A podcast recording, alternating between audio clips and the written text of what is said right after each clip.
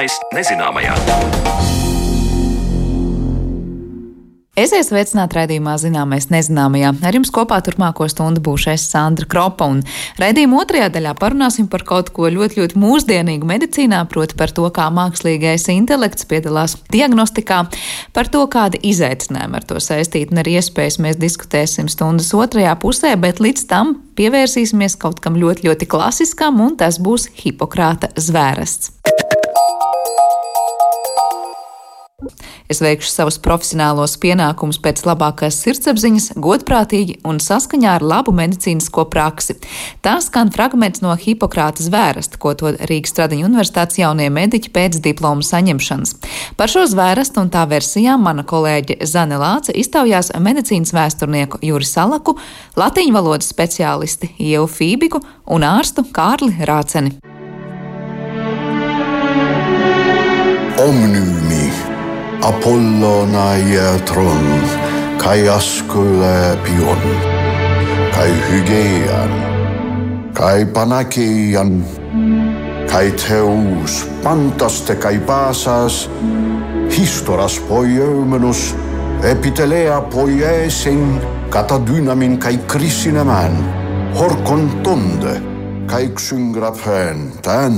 Zvēru pie Apollona dziedinātāja, pie Asklēpija, Higējas un Panacējas un pie visiem dieviem un dievietēm, piesaucot tos par lieciniekiem, ka pildīšu šo zvērestu un rakstisko vienošanos atbilstoši savām spējām un saprašanai.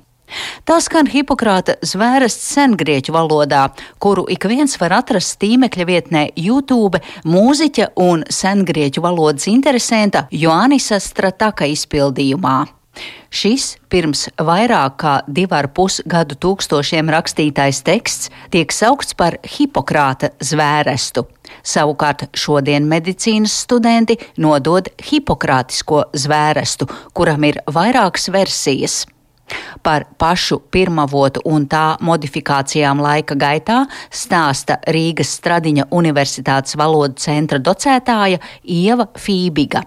Man kā klasiskajam filologam vienmēr ir tā sajūta, ka nu, cilvēki jau zina, ka Hipokrāts rakstīja grieķiski un ka līdz mūsdienām ir saglabājusies tāda hipokrātiskā kolekcija, kas latīniski ir korpus hipokrātikum, un tad tajā kolekcijā viens no šiem sacerējumiem ir zvērests. Protams, ka tam zvērestam ir ļoti daudz un dažādas versijas, nu, ko var lasīt gan latīņu valodā, gan tagad ļoti daudz angļu valodā, gan arī visādās nacionālajās valodās.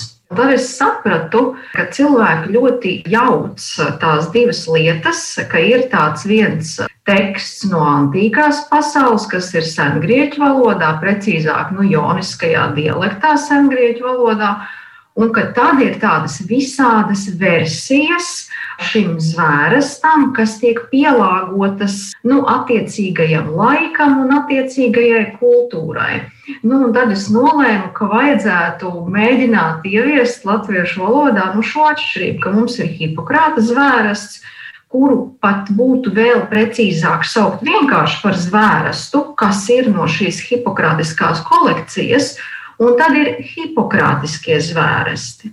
Sakiet, kas vēl ir zināms par eh, sākotnējo tā saucamo hipokrāta zvērestu? Tiek pieļauts, ka nu, tas zvērsts ir tapis no nu, laika posmā no 5. līdz 3. gadsimtam pirms mūsu ēras. Tāds uh, skotu ārsts 19. gadsimtā, tāds Francis Adams, viņš uh, sadalīja to hipokrātisko kolekciju tādās septiņās grupās, un viņš ir viens no tiem, kas min, ka zvērests ir paša Hipokrāta rakstīts. Bet tādi nu, jaunāki pētījumi nu, rāda un saka, ka nu, tomēr nu nevarētu būt, ka tas ir paša Hipokrāta rakstīts. Nu, tur ir vairākas variācijas, bet nu, līdz tādai pilnīgi vienotai taisnībai pētnieki vēl nav nonākuši.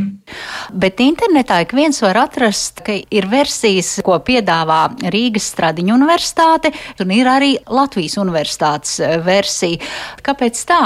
Stradiņa universitātē jā, ir, ir tādas divas versijas. Viena, kas ir tapusi pirms kādiem 10, 20 gadiem, latīņu valodā un, protams, arī tulkojumā latviešu valodā. Un tad pavisam nesen tā Ženēvas deklarācija, tur ir arī zvērests, ko viņi sauc nu, par solījumu. Viņiem šajā deklarācijā, man liekas, ka 2017. gadā bija pēdējais tāds atjauninājums, Tad viņi veica labojumus šajā solījumā, kas, protams, ir angļu valodā, un tad to Latvijas ārstu biedrība iztulkoja latviešu. Un tad es kopā ar uh, latviešu valodas pasniedzēju Māju Strādu, mēs abi iztulkojām šo zvērestu arī latviešu valodā, lai uh, ārstiem būtu ko solīt, saņemot diplomu.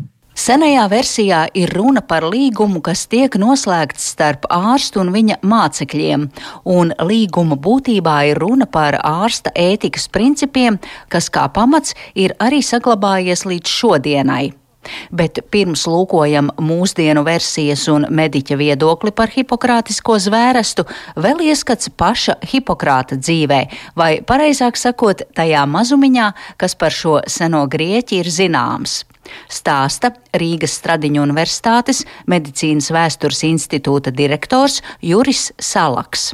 Tas ir droši vien medicīnā visbiežāk sastopams vārds, visvairāk citējams, bet ko mēs, medicīnas vēsturnieki, zinām, ka faktiski nu, tādu neapstrīdamu faktu par Hipokratu ir diezgan maz. Mēs zinām, un tas ir pierādīts, ka viņš ir piedzimis, dzīvojis Kosas salā, Grieķijā, ka viņš bija arī ārsts, ceļotājs, ka viņam bija skolnieki, un praktiski tas arī ir viss.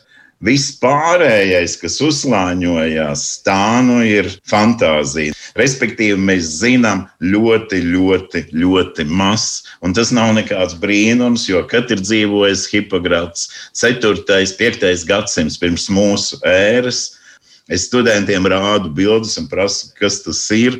Viņi saka, hipokrāts. Jā, tas tēls ir izveidots, bet, protams, ka neviena zīmējuma pirmavot no tiem laikiem mums nav, un līdz ar to mūsu zināšanas ir minimālās. Homojās ne ūdegunai kippes un ptorion dāsā. Hagnos de kai hosijos diatērēso viontunemon Kaitekhren tan emen. Un oriģināls Hipokrāta zvērestam, ja faktiski sākumā viņam bija virsraksts tikai zvērsts, to Hipokrāta zvērsts to jau pierakstīja daudz vēlāk. Tas bija līgums, līgums starp skolotāju un studentiem studentu, vienu, diviem, varbūt nebija jau nemaz tik daudz zem Platānas kosas salā.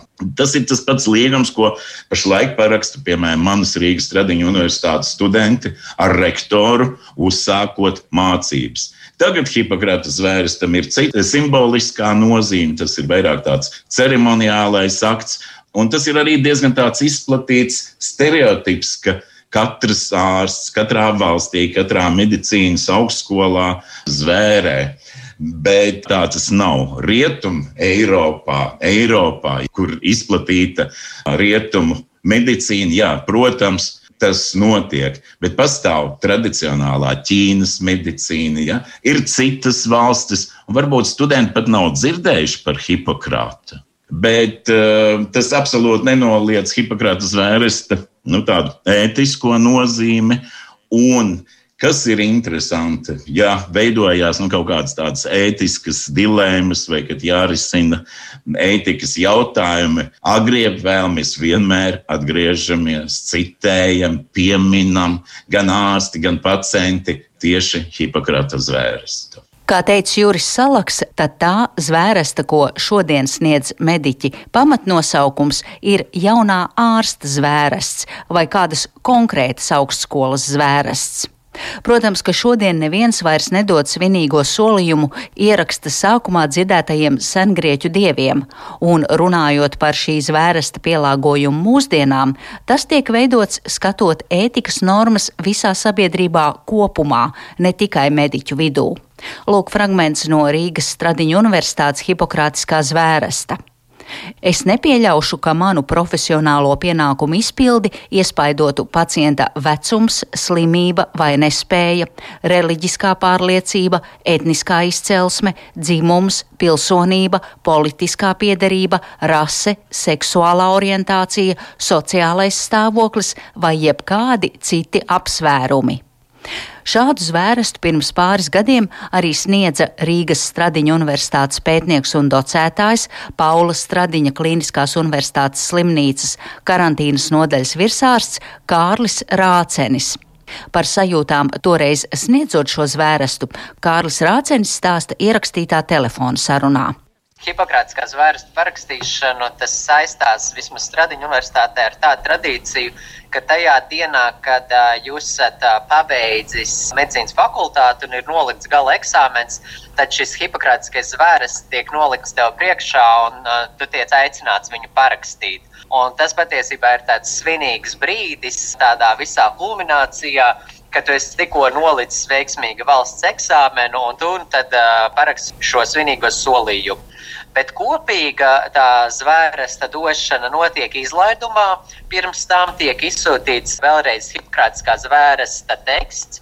Un tajā lielā daļa no tā tiek iegaumēta, bet es nedomāju, ka visi viņu mācās no galvas, bet drīzāk nu, izlasa pirms tam, un, un tad nodošanas dienā tas tiek svinīgi lasīts, un tad tu atkārto šo zvēres tādā veidā viņu apstiprinot. Un šīs ētiskās normas, kuras ir iekļautas šajos solījumos, ar tām mēs saskaramies ļoti daudz ikdienā.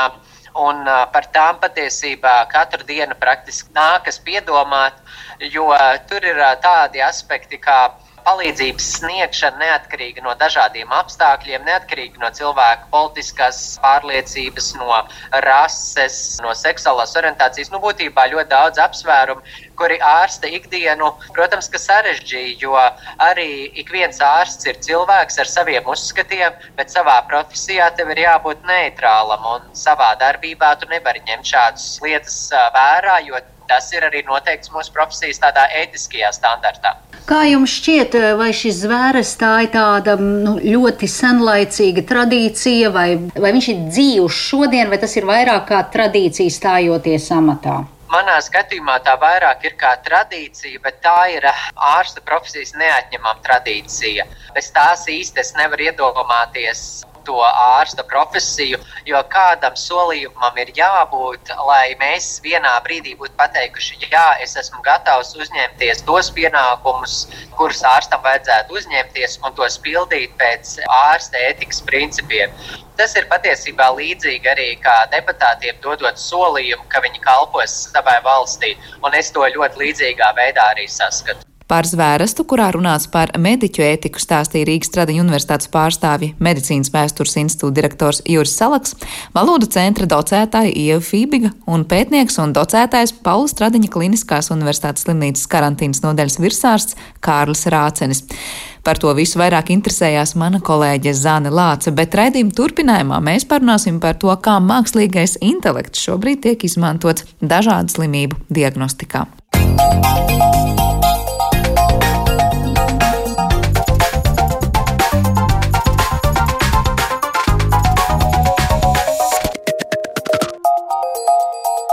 Zināmais nezināmajā. Mākslīgā intelekta izmantošana medicīnā nu vairs nav nekāds jaunums, un robotu tehnoloģijas tiek gana plaši izmantotas, un par to esam stāstījuši arī savos raidījumos.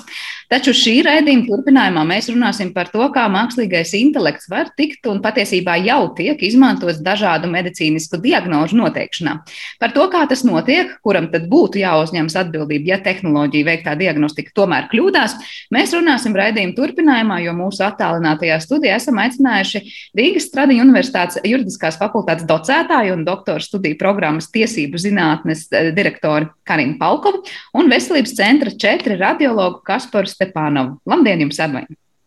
Labdien! Nu, pirmais jautājums no manas puses būtu, cik plaši mēs šobrīd jau tieši diagnostikā izmantojam mākslīgo intelektu? Vai tas, eh, kas par ir tāds sakā, mērķis, uz ko ejam, vai tā jau ir realitāte?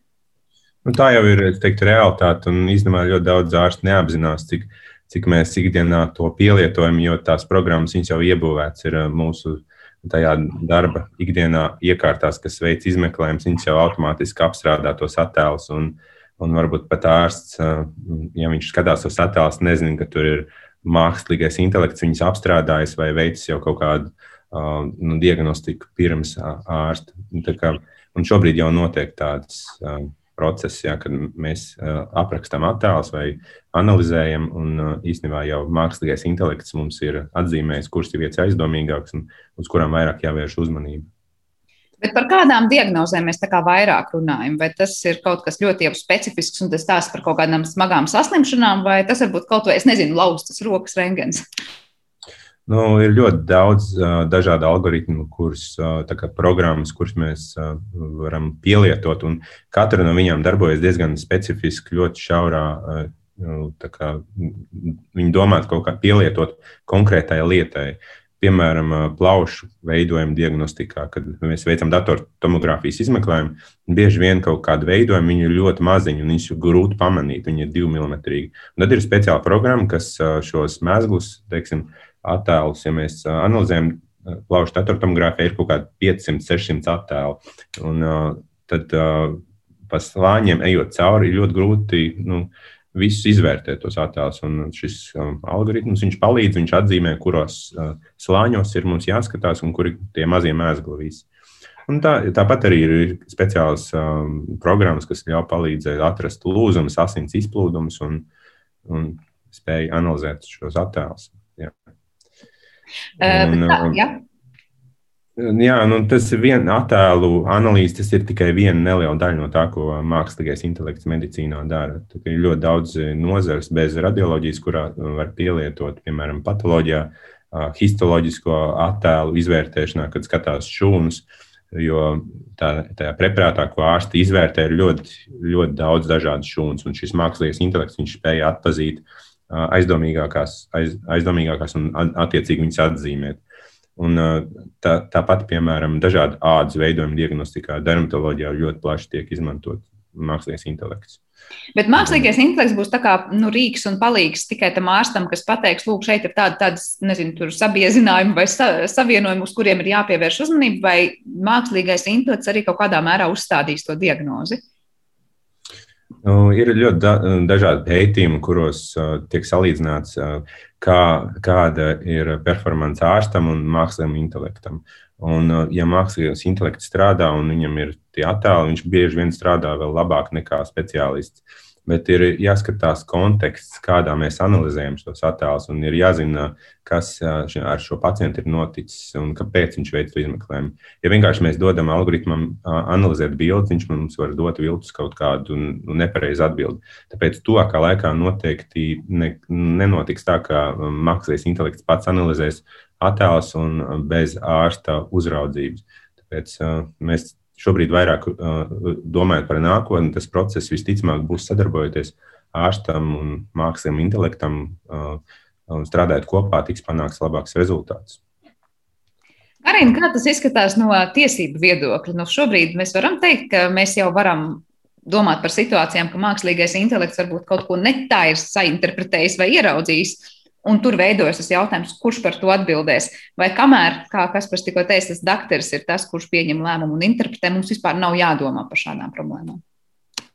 Ļoti labs jautājums, jo šis jautājums Latvijai ir īstenībā no tiesību viedokļa nezināms, jauns un neizpētīts. Ja, piemēram, Francijā vai arī Spanijā, jā, tur ir bijuši gadījumi, kad ārsts, teiksim tā, ir balstījis savu lēmumu uz mākslīga intelekta sniegto informāciju. Uh, to viņš arī atzīst pēc tam tiesas procesos, un mākslīgais intelekts bija kļūdījies. Mākslīgais intelekts bija kļūdījies, un uh, tad tur jau bija jautājums, kurš vainīgs ārsts, kurš neinformēja pacientu par to, ka lēmumu par ārstniecību, tad lēmumu ir pieņemis nevis pats ārsts, bet mākslīgais intelekts. Mm, un uh, kas tad būs atbildīgs? Ārsts mākslīgais intelekts. Spānijas gadījumā atbildība vispār, teiksim, tā atbildīga bija ārstniecības iestāde, jo ārstniecības iestāde bija tā, kas, teiksim, tā, ņemot vērā nacionālu likumdošanu, uzņemās, uzņemās vispār atbildību. Nu, līdz ar to Francijas vēl vienā gadījumā mākslīgais intelekts, teiksim tā, pacienti bija informēti par to, kā tiek izmantots mākslīgais intelekts viņu ārstēšanā, diagnostēšanā. Mums šie jautājumi vispār nav cilāti no tiesību viedokļa. Šobrīd mums likums, pacientu tiesību likums skaidri un gaiši pasaka, ka no pacienta jāsaņem informēta piekrišana, vai mēs šobrīd informējam pacientu par to, ka izmantojam mākslīgo intelektu, Nē, mēs to nedarām, bet arī nebija nepieciešamības līdz kaut kādam brīdim to darīt. Un tie ir, protams, tādi nākotnes izaicinājumi. Jo skaidra lieta, ka šobrīd Latvijā vismaz, nu, cik nu ir runāts, un es domāju, ka arī Kaspars tikko ir apliecinājis, gala lēmumu bez šaubām pieņem ārsts. Mākslīgais intelekts tiek izmantots kā asistents vairāk. Bet kā būs nākotne un atkal cik ļoti ārsti tiešām atzīst to, ka viņi tomēr balstās uz savām zināšanām un mazāk eh, ņem vērā mākslīgo intelektu, nu, to, to radīs, protams, laikā gaitā. Kā būs, bet izaicinājumi ir un gadījumi jau ir bijuši. Ne Latvijas tiesība, ne Latvijas. Šobrīd Latvijas ārsti uzņemas atbildību par savu rīcību un tiešām kā asistentu izmanto mākslīgo Bet ko ārstam nozīmē šis asistents? Varbūt iedod nevis tieši pretēji tam, kā mēs sakām, ļoti precīzu un labu informāciju, bet kļūdainu informāciju. Vai tāda ir iespēja, kas par gadījumu praksē? Nu, jā, un es pats diezgan bieži izmantoju, nu, paskatos, kāda atbildi iedod mākslinieks, intelekts, kā, kāds algoritms. Un, un salīdzinu. Un, protams, lēmums jāpieņem ir pašam ārstam. Un es bieži izmantoju tos uh, algoritmus, lai retrospektīvi paskatītos, kad uh, ārsts ir kļūdījies. Un lai pārliecinotos par šo algoritmu veiktspēju. Un diezgan bieži viņi atrod uh, šo patoloģiju, ko ārsts uh, ir palaidis garām. Un, un tas liek domāt, ka nākotnē mums būs uh, ļoti vajadzīga šāda asistenta, lai samazinātu kļūdu skaitu un, un palielinātu produktivitāti. Un, bet, kā jau teicu, jā, jāskatās attēli, ir jāanalizē, jo vienam jaunam cilvēkam attēls, kur mēs redzam, viņš varētu būt patoloģija, bet vecākam savukārt tā ir norma. Un tāpēc ir jāzina ļoti daudz lietas, blakus saslimšanas. Un, un šobrīd mums nav tādas tā darba vidi, tās, kurā mēs strādājam, viņi nav tik avansēti, lai mēs varētu veiksmīgi integrēt šos uh, algoritmus. Tāpēc šobrīd ir ļoti nērti viņa pielietošana. Kad mēs pielietojam, tas ir diezgan laikietilpīgi, un tas šobrīd apgrūtina speciālistu darbu. Un, un tas intelekts ienāks tikai ikdienā, tikai tad, kad, viņš bū, kad viņi būs ļoti ērti lietot. Bet, lai tas notiktu, jā, mums ir vajadzīga kaut kādas citas datoru jaudas vai tehnoloģijas pašas par sevi, kas spēj kaut ko ieraudzīt, salīdzināt ātri un izskaidrot, vai tas vairāk ir stāsts ar to kaut kādu infrastruktūru, ko mēs apkārtam veidojam, vienalga, vai tās ir poliklīnikas vai slimnīcas, un pēc tam juridiski vispār par to, kāds tas ietvers vispār ir, lai kaut ko tādu regulētu. Tur šeit ir runa par IT infrastruktūru, un viņai ir jābūt ļoti labai. Šobrīd uh, Latvijā viņa ir uh, tāda saskaldīta un nav tāda vienota kopīga e-veselības sistēma, kurā mēs visi speciālisti strādātu un kurā varētu integrēt šādas lietas. Teiksim, vienā ārstniecības iestādē mēs varam uzlikt šo, šo algoritmu un analizēt tos datus, bet uh, tas būs tikai viena, viena maza daļa no tā, ko vajadzētu izdarīt.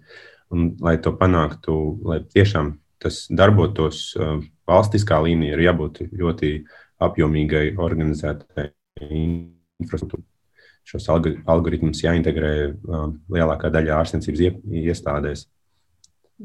Un, ja varu papildināt, tad uh, mēs kopumā, kā valsts, esam progresīvi tehnoloģiju ziņā. Un Latvijā ar vien vairāk un vairāk parādās uh, mākslīga intelekta balstītas uh, tehnoloģijas tieši veselības aprūpē. Un, tāpēc arī ir, manuprāt, no tiesību viedokļa aktuāls šis jautājums, jo mm, robotehnoloģijas rakusā Tad rakusā mums ir robotehnoloģija. Mums ir mākslīga intelekta balstītas tehnoloģijas, eh, ar kurām strādā Kaspars un, un, un arī citi viņa kolēģi. Bet eh, te tehnoloģijas, un arī jāsaka, ka ārsti, ārstu zināšanas un prasmes eh, strādāt ar mākslīga intelekta balstītām tehnoloģijām attīstās daudz vairāk nekā regulējums. regulējums. Jo, ja mēs tagad skatāmies, un pieļaujam to, ka jā, ārsts var strādāt ar mākslīgo intelektu un nedod Dievs. Uh, piemēram, ne, robolācis, kas ir Japāna izplatīts un, un arī Eiropā jau parādās, pēkšņi robolācis ir nometis uh, pacientu. Robolācis ir, mm, tiek izmantots veselības aprūpe, teiksim tā, pārnesot pacientu uh, vai arī paceļot pacientu. Un nedod Dievs, robolācim ir kaut kāda erora kļūda, uh, viņš nomet pacientu. Ja, tad, tad atkal, kurš ir atbildīgs? Protams, mēs varam minēt uh, direktīvas, uh, mēs varam minēt uh, pakalpojumu direktīvu, mēs varam minēt ja Latviju to pašu pacientu tiesību likumu, varam minēt uh, iespēju vērsties ārstniecības riska fonda, aizstāvēt savas kā pacienta tiesības un arī ārstu aizsargāt. Bet tas ir viens no tādiem maziem gadījumiem, bet es saku, ka sagaidām šādu gadījumu ar vien vairāk un vairāk. Un, uh, no tiesību viedokļa, protams, tā normatīva bāze mums eh, tik ātri neattīstās. Un šeit, jā, Eiropas Savienība strādā pie tā, un mums ir Eiropas komisijas baltā grāmata par eh, mākslīgo intelektu un tā attīstību un ētiskiem aspektiem, kurā, piemēram, Eiropas komisija norāda, ka mākslīgam intelektam jāattīstās. Tā skaitā arī veselības aprūpē, eh, bet arī nacionālajiem regulējumam nav jābūt tādam, kas ierobežo attīstību. Jo mēs jau saprotam, ka visas tehnoloģijas palīdz mums, juristiem, ārstiem, nav svarīgi inženieriem, attīstīt uh, kaut kādu jomu. Un tad ir jābūt balansam starp regulējumu, aizliegumu, uh, lai tomēr iet uz priekšu nozare. Jo vairāk, ja mēs runājam par sabiedrības veselību kopumā, Jā, nu dažkārt šeit mēs dzirdam, ka saka, medicīna ļoti konservatīva nozara un jautājums, cik no vienas puses medicīna kā tāda ir atvērta tam, lai tajā ienāktu daudz šādu risinājumu, par kuriem varbūt vēl regulējums īsti nav skaidrs, kas par kā, kā izskatās ar to konservatīvismu un tā nezināmā pieņemšanu. Lai gan tajā pašā laikā, nu, kur vēl kā medicīnā mēs redzam, pielietojam dažādas jaunākās tehnoloģijas. Latvijā ir ļoti viegli strādāt, jo mums šobrīd nav tāda regulējuma, kas aizliegtu kaut ko izmantot. Tāpēc mēs uh, varam izmantot visu jaunāko, kas šobrīd pasaulē ir pieejams. Tas, tas mums ir pieejams, un mēs to darām. Un mēs varam principā, analizēt jebkādus uh, pacientu datus. Mums, mums viss ir atvērts, tikai tas ir atkarīgs no, tā, no katra speciālista, ko viņš grib darīt. Un mums, tieši radioloģijā, mēs, kad veicam attēlu analīzi, mums ir pieejami visādi rīki, veidojumi segmentēšanai, izmē, lai mēs varam viņus precīzāk izmērīt un, un tos attēlus apstrādāt. Mēs ļoti brīvi varam pielietot šīs tehnoloģijas, un ārsti to dara arī. Bet tas ir ļoti individuāli, un tas ir atkarīgs no, tā, no katra speciālista. Un, jo šobrīd uh, ir ļoti liela atšķirība starp uh, speciālistiem Latvijā. Uh, ka vienā iestādē atbildes joprojām raksta ar roku, un citā ir struktūrizētas atbildes. Tāpēc ir ļoti liela plaisa. Un, un, bet šīs tehnoloģijas ir pieejamas un mēs viņus lietojam. Tā kā jautājums vairāk par cilvēcisko faktoru, arī cik kurš ārsts ir zinošs un gatavs tās pielietot, vai uzdrīkst tās mācīties, ko jaunu tās pielietojat. Jā, tas aizņem diezgan daudz laiku, protams, izmantot kaut ko un ja tas prasa papildus resursus, un, un ir vieglāk to attēlu aprakstīt, kā ir, un, un paļauties uz sevi. Bet, tad, lai mēs kaut ko ņemam papildus, tas prasa papildus no, no darba laika. Tāpēc tas ir vairāk tāds šobrīd entuziasma princips, ka mēs pielietojam visu. Tā. Kā jūs abi saskatāt, kā tas, nu, cik drīz attīstīsies Latvijā līdz tādam līmenim, ka varbūt tas nebūs entuziasma līmenis, tas būs tā kā nu, ierasta lieta ārstiem, un tāpat laikā arī no juridiskā un infrastruktūras viedokļa mēs to nerunāsim kā kaut kādu nākotnes redzējumu, bet teiksim, tas tiešām strādā. Nu, tas jau notiek šobrīd, un es domāju, ka sakrā ar Covid arī ir ļoti progresējuši dažādi algoritmi, kas, teiksim, Covid diagnostikā. Un, un to, kā laikā ar Latvijā tiks pielietotas tehnoloģijas, kas mums ļauj pēc datortomogrāfijas attēliem iekārt jau varēs pat pateikt, ar kādu varbūtību teiksim, pacientam ir Covid infekcija un, un cik nopietni, cik procentuāli ir šis bojājums. Un, tā, tas notiks tūliņ, un bet tas, tās, tie algoritmi, kā jau teicu, ir ļoti specifiski. Teiksim, šajā gadījumā tā ir plaušu diagnostika, bet ir vēl ļoti daudz lietas, kur mēs viņu varam pielietot. un tāpēc grūti pateikt, kurā jomā mm, viņa progresēs vairāk. Tas, atkarīgs, tas būs atkarīgs no speciālistiem, kas strādā. Šobrīd tā ir radioloģija, dermatoloģija un patoloģija, kur visticamāk notiks visstraujākais progress. Es domāju, tas ir gada, divus, trīs jautājums. Nemaz ne tik tālu nākotnē. Karina, kāds varbūt skats no tiesību viedokļa? No tiesību viedokļa atkal priecē, ka Eiropas Savienība ļoti aktīvi iestājās par šo digitalizāciju un mākslīgā intelekta dažādu risinājumu atbalstu un, un, un, un regulējumu gan no ētikas viedokļa, gan no tiesiska viedokļa. Mēs kā Latvija īstenībā bijām ļoti pasīvi runājot par mākslīgo intelektu, to, tā, tā regulējumu, tā atbalstu dažādās jomās. Eh, bet jāsaka tā, ka eh, vidas aizsardzības un eh, reģionālas attīstības ministrija pacēla to latiņu, kādā ziņā viņi ir izstrādājuši informatīvo ziņojumu 2020. gadā, un informatīvais ziņojums par mākslīga intelekta risinājumiem. Un tas ir tāds pirmais dokuments, informatīvais ziņojums nacionālajā līmenī, kur, kurā ietvaros mēs sākam runāt par to, ka jā, mākslīgais intelekts ir mūsu neatņemama sastāvdaļa biznesa, ekonomika, veselības aprūpē. Un, tad, tad mēs esam pašā, pašā sākumā, bet priecē, ka esam un domājam par to. Jo tehnoloģija mums Latvijā ir daudz, robottehnoloģijas, mākslīga intelekta balstītas tehnoloģijas ir. Tagad ir informatīvs ziņojums, tagad būs dažādi projekti, kas tieši saistīti ar mākslīgo intelektu.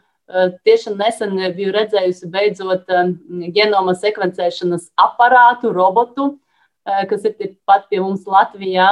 Mm, mēs esam uzsākuši to ceļu pareizajā virzienā un, un atliek tikai strādāt. Jā, par to, kas jau notiek. Es eh, zinu, ka kādā intervijā Kaspars bija teicis, ka robota operāciju zālē patiesībā arī jau ir tagad, nevis nākotne. Vai pat tiešām mums, es nezinu, vai Latvijā, bet ir operācijas, kurās uh, mākslīgais intelekts un robots ir tas, kas veic to nu, ķirurga darbu? Nu, šobrīd uh, es par ķirurģiju nemācīšu tā izteikties, bet es domāju, ka šobrīd nu, nav tā vēl, kad mākslīgais intelekts operētu Latvijā. Nē, ne par Latviju, par pasauli domāju. Uh, protams, jebkurā mm, darbībā, ko var veikt cilvēks, var uztaisīt algoritmu, kurš tiek aizstāts ar kaut kādu tehnoloģiju. Un, uh, tas pats not, tas ir jebkurā specialitātē, medicīnā, un tāpat arī ķirurģijā attīstās dažādas tehnoloģijas, lai varētu labāk ieraudzīt audzēju operācijas laikā, lai veiksmīgāk notiktu ārstēšana. Tas mm. viss notiek, jā, bet par ķirurģiju es tā nemācīšu izteikties. Bet bet... radioloģijā ir eh, ļoti aktīva darbība, notiek, un diagnostikā šobrīd, eh, uz, runājot par tiesībām, kompānijas vēlās no sevis atbildību noņemt. Un, un tāpēc eh, pamazām ienāk tādas tās tehnoloģijas, viņas ienāk pamazām. Mēs varam, teiksim, veicot izmeklējumus, dators viņš it kā nepasaka, ko viņš tur redz, bet viņš noliek tos aizdomīgākos gadījumus sākumā, kad ārstam pasaka, ka šie pacienti ir jāapskata pirmā kārtā, jo viņiem tā, kas, ko viņš tur redz, tas varētu būt dzīvībai bīstama, kaut kāda atrada, klīniski nozīmīga, un tādā veidā prioritizējot to, to izmeklējumu, ka tas ir jāapskatās pirmais. Un, tieši tāpēc šobrīd varbūt tas, ār, tas mākslinieks intelekts neiedos jau gatavu rezultātu atbildi, bet viņš vienkārši pateiks, ka šis izmeklējums varētu būt steidzamāks. Tā. Kas jau ir daudz, daudzās situācijās. Karina, laikam, bija kas sakāms vai piebilstams? Jā, es uzreiz, uzreiz tā iedomājos par tām jaunākajām tehnoloģijām, kas pasaulē ir. Bet, protams, jāpiemina Da Vinci tad, tad, robotu, kurš uh, veic operācijas, ķirurģiskas iejaukšanas operācijas, kur ārstam pat nav jāpieskaras pacientam, viņš attālināti ar savām ro roku kustībām iedarbina šo da Vinci milzīgo robotu. Jāskatās, jāskatās internetā, kā tas darbojas. Tas tiešām fantastiski. Vēl viens tāds interesants mikročips ar kājiņām, uh, kuru ievada cilvēka organismā. Viņš ir, nu, cik tur milimetri, ļoti maziņš Un šis mikročips ar kājiņām iziet cauri, es tagad nemācīšu, tie ir asinsvadi vai ne, bet zem ādas. Un viņa funkcija, viņš ir mākslīga intelekta balstīta tehnoloģija, viņa funkcija ir atrast vēža šūnas uh, pacienta ķermenī, kas ir atkal fantastiski. Ja mēs paskatāmies, cik maza ierīce, uh, kas ir mūsos un kas meklē, meklē un atrod, atrod kaut ko. Tad, tad šis ir tāds arī inovatīvs, jaunas, da viņš jau mazāk, bet, bet šī maza mm, ierīcīta ar kājām. Jā, tas ir. Bet tas ir kaut kas, ko, ko var redzēt tikai kaut kādās izstādēs vai inovāciju fórumos, vai tas ir kaut kas, kas ir reālajās jau diagnostikas iestādēs? Da viņš ir, da viņš ir reāli izmantojama iekārta, un es domāju, divu gadu laikā to skaits palielināsies kopumā pasaulē, da viņš ir līdzīgo robotu izmantošanā, un tā maza ierīcīte arī ir dažās valstīs, bet nav daudzās. Un, protams, Ķīna, ja mēs skatāmies Ķīnu, kādas tur ir tehnoloģijas, bet tā ir atkal tas ir pavisam cits stāsts, un ne visas tās tehnoloģijas tiks akceptētas šeit, Eiropā, uh, bet, bet, bet ir. Bet kas notiek no tā regulējuma viedokļa tagad, ja, piemēram, tāds Davinci robots veicot savu manipulāciju kļūdās? Labi, to vada cilvēks, es sapratu, tāpat tur kaut kur mišķīgi tālāk esoši. Ja?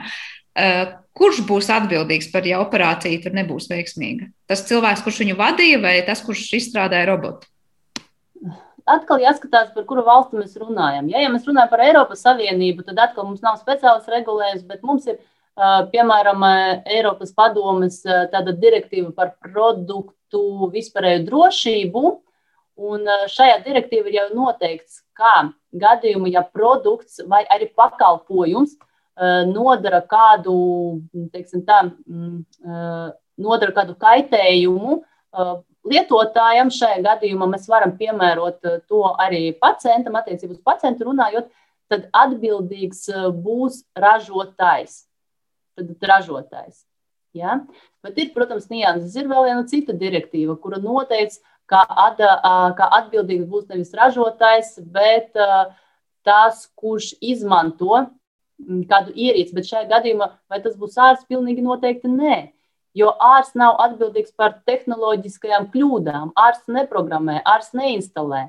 Ārsts strādā ar to, kas ir, un te drīzāk ārstniecības iestāde vai arī uzņēmumi, kas apkalpo attiecīgus aparātus, uzņemas atbildību, bet arī jāskatās līgumi, jāskatās direktīvi, jāskatās jurisdikcija, jāskatās valsts. Tāpēc es saku, ka nav šobrīd vienota.